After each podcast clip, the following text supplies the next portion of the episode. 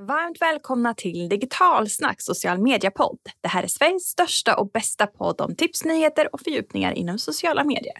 I det här avsnittet ska vi grotta ner oss i allt du behöver veta om algoritmer på sociala medier.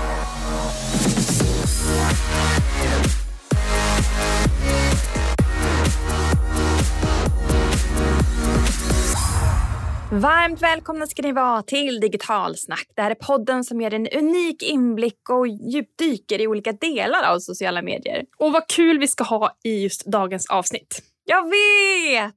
Vi ska prata algoritmer och det tycker jag är ju så fantastiskt roligt. Hon som ni hörde där som bara jublade och var så ypperligt glad över dagens ämne, men hon heter Cecilia och är en av grundarna till Digitalsnack och dessutom är hon även galet fascinerad av algoritmer. Yep, guilty as charged. Ja, och vad är det, Cecilia, som du gillar så sjukt mycket med algoritmer? Men jag tror att det är så mystiken. Att det är ingen som riktigt vet exakt hur de fungerar men vi alla påverkas av dem. Mm. Ja, det är säkert många som kanske kan hålla med eller rädsla, rädslas kring det där. Och i det här avsnittet ska vi djupdyka i den här mystiken, i algoritmernas värld. Vad är algoritmer? Varför behövs de? Men också hur kan algoritmer styra olika sociala medieplattformar? Varför vi eh, snart kan se våra sociala medier helt förändras på grund av de skiften som är på väg inom algoritmer. Mm, och förutom algoritmnörden Cecilia, alltså jag, mm. så består ju den här podden också av min partner i poddlivet Yay. men också i jobblivet, Jenny Lapoti. Woho! Och tillsammans så driver vi en fullservicebyrå inom sociala medier som praktiskt nog har exakt samma namn, nämligen Digitalsnack. Algoritmer, denna mystik, denna panik och ibland när det kommer till att den just ska förändras. Det är då folk har så sjukt mycket känslor kring algoritmen. Och det kanske var därför Meta liksom gick från att förr lite flagga för att nu kommer algoritmerna ändras till det här. Och folk liksom så här sprang i panik, du vet så här, med händerna ovanför huvudet. Där, och, eh, men nu så tycker jag nog mer att de ändrar algoritmerna och sen så om någon märker det så oops så pudlar man lite efteråt. Ja men det stämmer. Och det var exakt det här som hände eh, förra sommaren under 2022. Jag tror all, vi alla nästan kan minnas om det eller kanske till och med eh, har hört om det åtminstone. Mm, var drabbad av det. Och det, det låter lite som en skräckfilm. Jag vet vad du gjorde förra sommaren. lite så. Men vad är algoritmer och varför finns de egentligen? Mm, här kommer en sjukt tydlig beskrivning. Algoritmer är en ändlig uppsättning otvetydiga instruktioner som efter en ekvidering löser ett problem. Och det blev ju okay. sjukt tydligt. Det är ju inte konstigt att vi inte begriper oss på algoritmer för att det är ingen som kan förklara algoritmer på liksom ett, ett enkelt sätt. Jag är lite nyfiken på vart du har hittat den där fantastiska beskrivningen. Mm, den har faktiskt hittat på Wiki Wikipedia. Ja. Jag vet att vi har pratat om algoritmer tidigare och så här, Wikipedia brukar vara ganska enk alltså, ha förenklade förklaringar på mm. saker. Så att man brukar gå dit för att titta så här, hur har Wikipedia förklarat det här. Och jag vet att de har förklarat algoritmer på lite olika sätt genom åren. Och det, jag, jag tycker inte att den blir tydligare. Men så här, för att försöka förklara på vanlig svenska. Så Idag så produceras ju otroligt mycket innehåll i sociala kanaler. Och det pågår ju väldigt många olika aktiviteter och interaktioner. Någon gör en gilla-markering, någon delar ett inlägg, någon får en ny vän, någon följer någon. Alltså det är så otroligt mycket olika saker som händer. Inte bara liksom hur Eh, inläggen i sig eh, sorteras för oss utan det händer mycket saker i de olika kanalerna och för att styra vad, vad jag och vad du ser när ni öppnar sociala medieappen eller vad ni får notiser om så finns det olika liksom, regler som har satts upp som har då skapats av fysiska personer som då har försökt i alla fall och bestämt hur olika innehåll och aktiviteter ska rangordnas och ty tydas till oss i sociala kanaler. Mm. Så kort sagt kan man ju säga att med hjälp av kod så kan det flöde du ser i liksom din mobil eller din dator på en millisekund anpassas efter vad du borde vara intresserad av. Ja, och den där är superintressant. För jag vet att Um, för, för många, många år sedan så hade jag ett så test alltid att så här, om ni byter mobiltelefon med varandra så ska ni titta på hur liksom, algoritmerna sorterat i ert flöde. För då kunde man se lite så här, får du upp det här? Vi är lite olika person, personer och personligheter mm. som, som då visas av utifrån våra flöden. Men det där blir ju också att, att algoritmerna borde ju baseras på vad vi är intresserade av. Men det blir mer komplext. Vi ska prata lite om det här, varför algoritmerna kanske inte riktigt funkar lika bra som de gjorde förr. Mm. Vi får backa lite igen till sommaren 2022 och titta bakåt. Det brukar jag alltid gilla att göra generellt, att man lär sig så mycket av det. Så vad hände egentligen sommaren 2022? Jo, helt plötsligt så började innehåll visas i min Instagram-feed utan att jag har valt att följa just de här personerna. Och det blev ju kaos. Och sen gjorde ju Instagram ganska många intressanta test just den sommaren. Bland annat med video där, vi, där de tyckte att vi skulle liksom leva med det här lite längre formatet även liksom i flödesinläggen. Det var liksom ganska kaos Sommaren 2022, kaos. Och jag tycker det var så många influencers också som beklagade sig så sjukt mycket och, eh, och så vidare. Och man kunde nästan på dagen se hur de flydde kanalen till TikTok. För att på en dag så blev nästan hela deras verksamhet på Instagram bara dödad. Ja men precis. Jag vet jag läste ett citat i Resumé-tidningen när jag kom tillbaka efter liksom sommaruppehåll och sådär. Eh, där det var ett lit, eh, jag vet faktiskt inte vem som stod bakom citatet. Det kanske var för att man var ganska, eh, man inte, någon vågade inte ta cred för det men det var ändå ganska spot on. Men då löd citatet att TikTok har blivit en sorglig skådeplats för desperata 30 någonting influencers som vill undvika en alltför tidig pension där Instagrams algoritmer är dumma mot dem. Och den är hård men man mm. fattar fattar ju lite så paniken när man lever på eh, Instagram, eh, liksom räckvidden och helt plötsligt så sjunker den. Eh, som gör att man måste ju liksom ha en annan lösning. Och då kan man ju kanske fråga sig att varför kan en annan social medieplattform vara en lösning när algoritmerna förändras på den ena. För ibland kanske man tror att de här hänger samman på något sätt. Men så är det ju inte. För TikTok och Instagram de har helt olika algoritmer som fungerar på olika sätt. Det vill säga sortera ditt flöde baserat på olika regler mm. än vad den andra gör. Ja men precis. Och vi är ju mitt inne i ett litet paradigmskifte i sociala medier. Jag tror att det var Mark Zuckerberg som sa att uh, ja, vi har missat en jätte jättestor liksom skiftning inom sociala medier. Vi var inte med på det tåget. Och det vi pratar ju är ju liksom TikTok. För innan TikTok, om ni kanske minns den tiden, så hade vi enbart relationsbaserade algoritmer. Mm. Mm, och nu pratar vi ju ordet algoritm igen. Vad innebär då relationsbaserade algoritmer? Ja, men det handlar om att innehållet som väljs ut för att visas dig premier, alltså baseras på eh, vad du har för relation till personerna som har publicerat innehåll. Och då premieras framförallt liksom vänner, familj och konton som du har valt att följa framför andra människors innehåll. Eh, det vill säga, ju starkare relation du har med någon, desto större sannolikhet är det att du får se den personens innehåll i just ditt flöde. Mm, ja men precis. Och det var alltid det här som jag tycker liksom mig höra Facebook pushade för hela tiden. När det kom en algoritmförändring och företag fick liksom lägre räckvidd. Det var varje gång att så här, men vi vet att våra användare vill se mer av innehåll från vänner och familj. Alltså det var ju det man sa. Det var som ett mantra som pågick under flera, flera år när man gjorde algoritmförändringar. Och just när jag pratade lite inledningsvis det här med att algoritmer borde förstå vad det är vi liksom tittar eh, på vad vi gillar. Liksom. Men det som händer nu är också att en relationsbaserad algoritm det kräver ganska mycket av oss. Eh, att vi integrerar med det innehållet för att, liksom, för att visa algoritmen vad det är vi gillar. Och vi behöver själv välja konton och personer som liksom får plats i vårt flöde. Mm. Jag kommer ihåg också att eh, vi ofta under föreläsningar och annat eh, så beskyllde vi ju våra eh, amen, eh, åhörare för att om de tyckte att deras flöden var tråkiga eller så, så då skulle man kompensationsklicka på saker så att man fick liksom mer av sånt i sitt. Men sen så kom ju TikTok in i bilden och då har ju en hel del hänt. Ja, precis. Och TikTok har ju en intressestyrd algoritm vilket innebär att det egentligen inte spelar någon så stor roll vem det är som har skapat innehållet. Utan är liksom innehållet i sig som riktas till den som borde vara intresserad. Mm.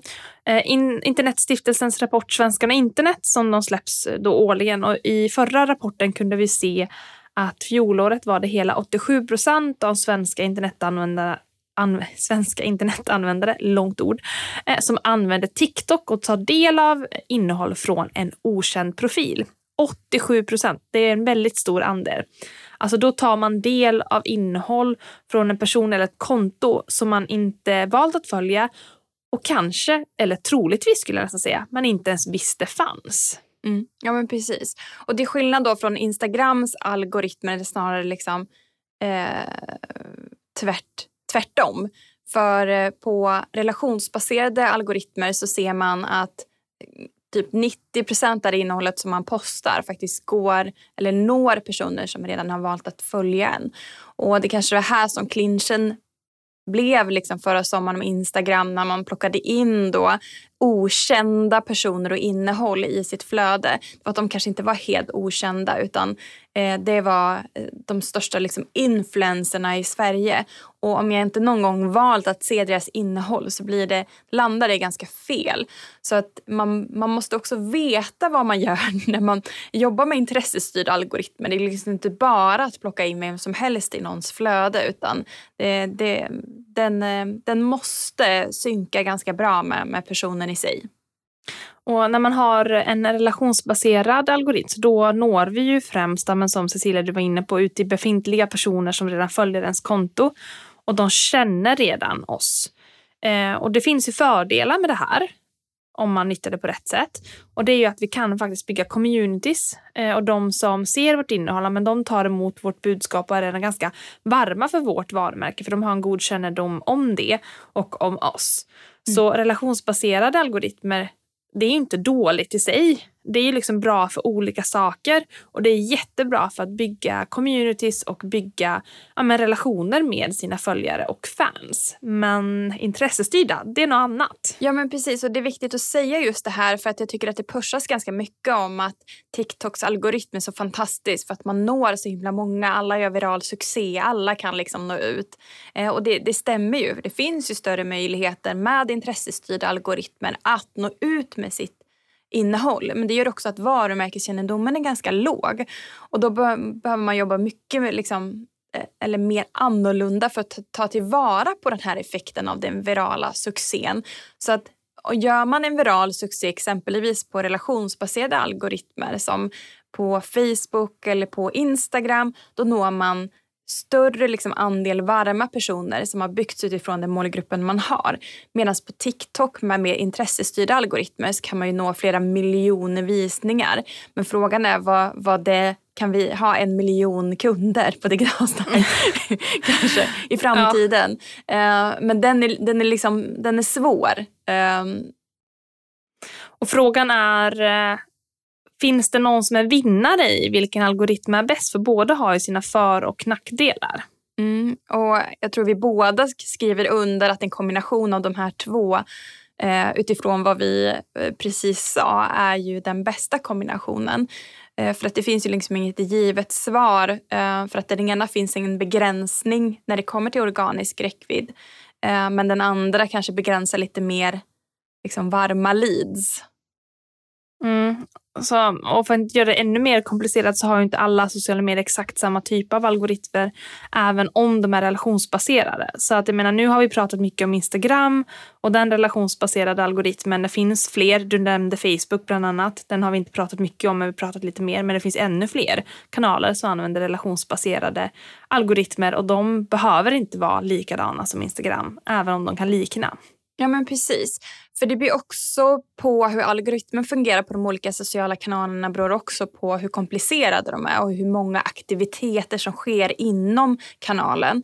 Så du nämnde Facebook till exempel. Instagram har ju en ganska enkel algoritm. Och det har de alltid haft. För i början, om ni minns Instagram, så hade de faktiskt inga algoritmer. Utan allting i flödet eh, postades liksom, vad hade du valt vissa konton så syntes alltid deras innehåll. Och det var liksom tids Eh, Eh, de hamnade liksom i rätt tidsordning och så vidare. Men sen ju fler innehåll som kom, ju mer behövde liksom, eh, man bygga in de här algoritmerna. Men de går mest ut på att sortera innehållet och tar inte bort så mycket innehåll i sig. Medan på Facebook, där har vi extremt mycket saker. Vi är ju med i evenemang, vi är med i grupper. Ehm, vi, vi gör så otroligt mycket på Facebook. Så där behövs en mycket mer kraftfullare eh, liksom algoritm eh, som sorterar innehållet där. Och tittar vi exempelvis på LinkedIn så har den en algoritm som begränsar ganska mycket företagsprofiler och av någon anledning så har någon person på LinkedIn tyckt när den har liksom spått in i framtiden att det där med grupper kommer ingen bry sig om i framtiden. Så att någon gång för några år sedan så tyckte den här personen att vi klipper bort liksom grupper papper från algoritmen helt. Så den liksom lever sitt egna liv på LinkedIn. Och det är lite synd för det finns många bra grupper på LinkedIn. Men de lyfts inte för vi får inga pushnotiser på samma sätt. Vi, de kommer inte upp i flödet. Vi har liksom inte den infrastrukturen på LinkedIn som är inbyggt som vi har på Facebook som pushar väldigt mycket för exempelvis grupper. Eh, som sagt, det är väldigt olika algoritmer även om de i grund och botten kallas relationsbaserade så är de olika och sorterar innehåll på olika sätt. Mm, och för att göra det ännu mer komplicerat så räcker det inte alltid med att man har en algoritm för ett socialt medie, utan ibland om ett socialt medie är väldigt komplext med flera olika delar som är Facebook eller Instagram så har ju respektive del kan också ha en egen algoritm i sig, vilket leder till att det finns liksom flera algoritmer inom samma plattform. Och Instagram är ju ett perfekt exempel för det är ju så stort med olika funktioner. Ja men precis, och där kan man dela upp dem egentligen Eh, ja, men Instagram själv har ju liksom som sagt stories där vi har det här som lever 24 timmar. Vi har flödet, vi har upptäckarflödet där du kan se liksom helt nya baserade på vad du har tittat på innan. Och vi har det här reels som då är en, en, eh, en kopia av en funktion egentligen som finns på TikTok. Eh, och alla de har, eller inte alla, men de är uppdelade i två liksom, delar kan man säga. Där stories och flödet har en relationsbaserad algoritm Alltså att när du lägger upp stories och när du publicerar saker i flödet och stories är händelser. Jag säger alltid det engelska ordet och så säger jag alltså vad är stories? Det är händelser. Så flödet och händelser har relationsbaserade där man når främst ut till de som en gång har valt att följa er på kontot. Medan upptäckarflödet och reels har intresse. Eller rullar på svenska. Rullar? Det, heter det så? Ja, reelset rullar på svenska. Åh oh, herregud. Ja, det tror jag inte jag kommer att använda. Men händelser kan jag absolut säga. Rullar. Det kändes ju jättekonstigt. Okej. Okay. Ja. Oh. Rullar och upptäckarflödet. De har intressestyrda algoritmer. Och det är här vi också, många pratar om. Så här, du måste göra reels för att lyckas på Instagram. Men jag tycker nog att vi har pratat om de här olika algoritmerna i form av att det krävs de inte bara reels för att lyckas generellt sett på sociala medier. För det är inte bara räckvidden vi, vi vill ha åt för att få effekten. Nej. Och då skulle man kunna tro att eftersom Instagram då både har relations och intressestyrda algoritmer inom samma plattform, jippi, vi har en lösning som kan lösa alla jordens problem. Inte riktigt, men i alla fall inom kommunikation. Att det är något, en bästa av två världar. Men så enkelt är det inte heller. Nej men precis. Och det var ju som jag var inne på att det är ju inte bara algoritmen i sig som styr hur bra innehållet är. Um, utan det är också hur, hur bra man är på att bygga upp de här uh, algoritmerna så att de också passar. Um, så uh, även om Instagram tror att de är bra på intressestyrda algoritmer så är ju TikTok fortfarande lite steget vassare um, på att uh, förstå vad användaren faktiskt vill ha och inte bara den första utan nummer två och nummer tre. Och det vet jag inte om rullarna eh, levererar riktigt. Eh, för det är sjukt random och tycker det är svårt att söka sig till vilken reel om jag vill ha ett visst liksom, kategori eller intresse. Mm. Va, vad säger du? TikTok versus... Nej, men, jag håller helt med. Om jag funderar på att jag ska underhålla mig eller titta på någonting. Jag kan till och med säga att då landar jag oftast mer på Facebooks eh, alltså, rullar. Eller, för de, alltså, det kommer ju från Instagram också. Men jag använder väldigt sällan Instagram för att kolla på rullar utan jag ser dem någon annanstans. Men framförallt så går jag allra helst till TikTok. Mm. Eh, för att det är enklare att hitta. Plus att på något sätt så är TikTok bättre på att visa det jag vill se Eh, till just mig. Och mm, där under sommaren när den här stora förändringen skedde, man började också pusha jättemycket mer reels eller rullar, ja, men då pushade Instagram framförallt stora influencers och kända profiler. Mm.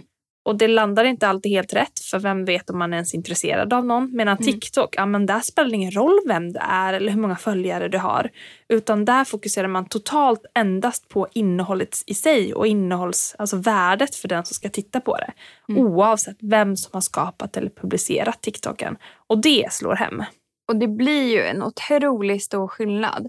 Och dessutom att de här algoritmerna då som är relationsbaserade som vi var inne på med Facebook, LinkedIn, Instagram. De kräver ju faktiskt att vi gillar, att vi kommenterar, att vi sparar någonting som gör att algoritmerna ska liksom kicka igång och förstå vad det är för någonting. Och där räcker det ju för TikTok exempelvis att vi bara ser klart en video eller håller kvar mm. i ett klipp lite längre än något annat mm. eh, än, än liksom scrolla förbi den för att de ska då upptäcka liksom det här intresset. Mm. Och det blir svårt att eh, just kolla på sådana specifika klick eller liknande för vi människor blir också allt mer medvetna om hur ens actions sprids i sociala medier. Och därför är det allt fler som också engagerar sig mindre för man vill inte visa att det här klippet tyckte jag var intressant eller, eller så vidare. Eh, och framförallt för sina kanske eh, kompisar att man gillar vissa saker. Och det gör att det blir väldigt, väldigt mycket svårare för kanaler som Instagram och Facebook att kunna veta och pusha relevant innehåll för användarna. För hur ska de veta det om det är just actions de är ute efter som folk inte vill göra? Mm, ja men precis, vi medvetet struntar i att klicka. Det kommer vara, mm. ja, jag håller med, det kommer vara en jätteutmaning att få de här eh, liksom actionstyrda algoritmerna mm. att funka. Att vi blir mer passiva i hur vi, eh, hur vi tar del av eh liksom, innehåll. Och Det är så himla intressant också landsmässigt. det är ju från Finland och där har vi, ja, men de är starka liksom, engagemang på sociala medier. Vi svenskar har alltid varit lite försiktiga med det. Ja, och jag vet inte om det också har att göra med allmänt att man är så försiktig generellt sett att yttra sig om sina åsikter för någon utan det är lagom, alltså mellanmjölkets land så att säga. Eh, och jag, blir, jag kommer ihåg fortfarande den gången, jag hade bott här kanske 8-9 år och jag ser mig som helfinsk och så åker jag hem, sätter mig i bilen, alltså min syster plockar upp mig och sätter mig i bilen i Finland och så frågar jag henne eh, men hur är läget? Och hon bara säger, nej det är jättedåligt.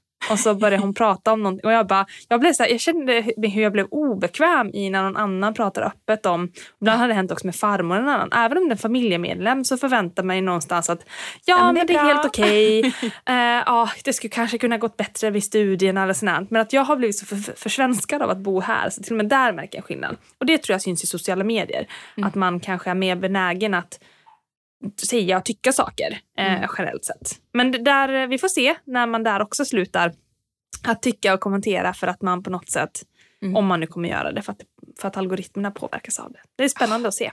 Ja, det är super, super intressant. Men hur ska vi då vanliga liksom, dödliga tänka kring algoritmer på sociala medier? Det är ju bra att veta framförallt den plattformen man är på, om det är relationsbaserat eller intressestyrd algoritm som är där. Och sen kanske att man behöver ha koll på ifall det är vissa algoritmer som automatiskt jobbar emot den. För det finns det faktiskt några som gör. Hur tänker du då? Nej, men jag tänker alltså om man är en företagssida på LinkedIn till ja, exempel. Ja, men precis. Exakt. Och då det är lite ju, utmanande. Ja, men exakt. För då har man... Eh, då kanske man har en mer så här, rimlig förväntan att resultatet blir sämre för att algoritmerna, som du säger, jobbar lite emot den. Man jobbar i motvind. Och då får man liksom bygga en innehållsstrategi utifrån det. Um, om det är så att man uh, just når mer befintliga och uh, personer som har följt den en tid eller om det är mestadels nya personer som man når ut till så måste man också liksom ha det i åtanke när man skapar innehållet eh, så att man är mer kanske informativ om man nu vill konvertera även till nya målgrupper eller mer liksom community eh, mysig och mm. ja, diskussionsduglig om man har varma personer som man når ut till. Algoritmer. Vi älskar och att hata de här nästan. Men vi lär oss att jobba med dem så kan vi faktiskt nyttja den positionen till något riktigt, riktigt bra. Så relation eller intresse, det är bra att veta hur det sociala medier ni jobbar med fungerar för att skapa en riktigt träffsäker strategi.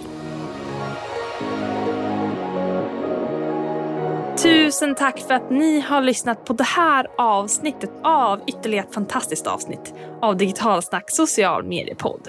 Och följ oss gärna på Spotify och iTunes och lämna gärna recension om ni gillar det här avsnittet. Tack och hej!